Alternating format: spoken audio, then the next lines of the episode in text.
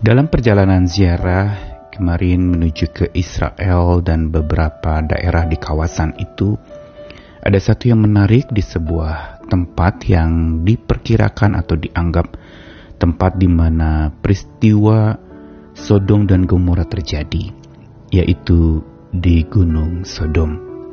Dan di sana ada sebuah patung yang menjulang tinggi yang dianggap sebagai simbol dari patung istri Lot yang berubah menjadi tiang garam saat ketika dia diperintahkan untuk maju berlari meninggalkan Sodom dan Gomora tetapi dia menoleh ke belakang padahal sudah dilarang untuk menoleh ke belakang. Ada pelajaran yang menarik dari kisah itu dan saat melihat patung yang melambangkan sosok dari istri Lot, maka sebenarnya ada pelajaran rohani yang perlu kita timba dari kisah itu, yaitu untuk supaya kita tidak toleh ke belakang. Tetapi apakah salah dan mengapa hanya karena toleh ke belakang istri Lot menjadi tiang garam. Saya Nikolas Kurniawan menemani di dalam Sabda Tuhan hari ini dari kejadian pasal 19 ayat 17 dan 26, lalu dilanjutkan Lukas 9 ayat 62. Sesudah kedua orang itu menuntun mereka sampai keluar berkatalah seorang, Larilah, selamatkanlah nyawamu, janganlah menoleh ke belakang, dan janganlah berhenti di mana pun juga di lembah Yordan larilah ke pegunungan supaya engkau jangan mati lenyap. Lalu kejadian 19 ayat 26, tetapi istri Lot yang berjalan mengikutinya menoleh ke belakang lalu menjadi tiang garam. Dan Lukas 9 ayat 62 mengatakan tetapi Yesus berkata setiap orang yang siap untuk membajak tetapi menoleh ke belakang tidak layak untuk kerajaan Allah. Pertanyaan terhadap peristiwa di mana istri Lot menoleh ke belakang dan menjadi tiang garam memang mengejutkan dan memunculkan banyak pertanyaan. Apakah salah menoleh ke belakang? Bukankah kita juga hidup sering kali perlu menoleh ke belakang, belajar dari masa lalu supaya tidak mengulangi kesalahan yang dilakukan di masa lalu? Atau sering kali seorang juga mengajarkan bahwa nostalgia yang baik itu membuat bahagia di hari esok. Tetapi apakah toleh ke belakang yang dilakukan oleh istri Lot ini menjadi begitu vital dan sampai akhirnya fatal sampai dia menjadi tiang garam? Ada apa dengan toleh ke belakangnya istri Lot? Sesungguhnya kalau kita lihat di dalam pelajaran kejadian pasal 19 tadi perintah dari malaikat Tuhan yang diutus Tuhan untuk membawa keluarga Lot supaya selamat.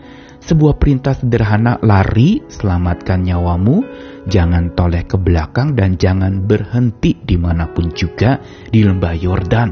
Lari ke pegunungan supaya engkau jangan mati lenyap. Pesan ini sebenarnya pesan penyelamatan yaitu pesan untuk mereka lari segera meninggalkan tempat kejahatan bersarang di sana, yaitu di Sodom dan Gomora.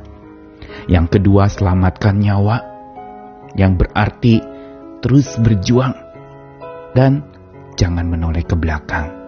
Di sinilah yang menarik. Matthew Henry mengatakan bahwa sebenarnya ini perkara sederhana menoleh ke belakang, tetapi kalau melihat hukumannya istri Lot menjadi tiang garam, ini berarti masalah serius.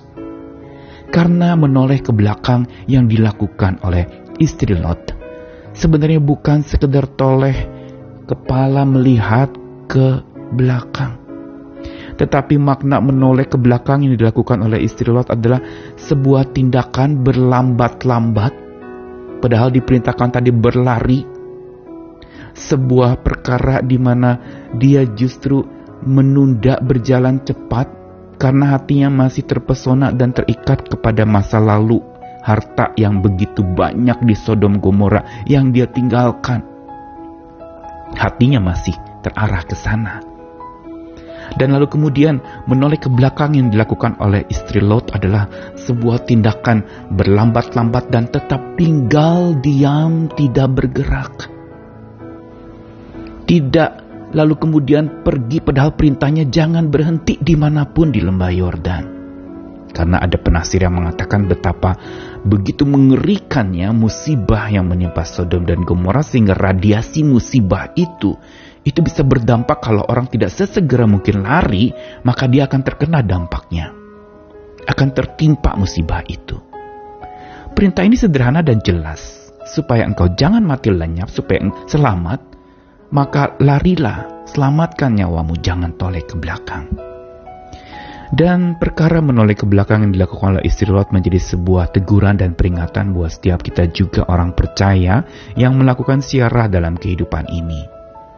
Kita sering kali menganggap bahwa bernostalgia itu adalah sesuatu yang menyenangkan, ingat-ingat lagi tembang kenangan masa lalu di mana ada kejayaan. Padahal nostalgia yang kebablasan juga akan membabat kebahagiaan di masa depan. Saat kita terus-menerus menoleh ke belakang sampai tidak melihat ke depan lagi. Terus-menerus dan diam di sana ingin mengulang yang lalu-lalu tetapi sebenarnya memang tidak bisa kita ulang lagi. Dan kita lupa untuk melangkah maju ke depan. Dan Yesus mengingatkan lagi di Lukas 9 juga sebenarnya bagian lain di perjanjian baru mengajak orang untuk ingat istri Lot tapi Yesus dalam tegurannya kepada murid-muridnya mengatakan setiap orang yang siap untuk membajak tapi menoleh ke belakang tidak layak untuk kerajaan Allah. Yesus kembali menggarisbawahi makna menoleh ke belakang yaitu diam di tempat, tidak bergerak, menoleh ke masa lalu dan tidak maju ke depan yang penuh pengharapan itu. Pelajaran dari ayat-ayat yang kita renungkan hari ini adalah mau beritahu kepada kita bahwa makin sering kita toleh ke belakang, sebenarnya kita makin membelakangi sang pemandu hidup yang ada di depan menuntun kita. Dia ada di depan kita dan dia harus ada di depan kita. Jangan kita yang kedepankan diri kita. Tapi biar dia yang dikedepankan. Karena menghadapi masa depan, rahasianya adalah kedepankan dia sang pemegang masa depan kita, yaitu Tuhan. Dan sebagaimana tadi kata menoleh ke belakang yang dilakukan oleh istri Lot yaitu berjalan berlambat-lambat untuk maju ke depan menunda-nunda, maka makin berlambat akan makin terhambatlah perjalanan kita ke masa depan penuh harapan. Hari ini kita mungkin dirundung oleh malang masa lalu yang menyebabkan kita akhirnya tidak bisa beranjak maju ke depan. Kita terlalu kesengsem di sana terpesona dan pingin menetap terus di sana karena kita pikir harta kita ada di masa lalu. Padahal itu sudah berlalu dan kita tidak bisa kembali lagi. Ini sebuah realita. Masa depan justru itu yang Tuhan sediakan bagi setiap kita yang mau berharap kepadanya.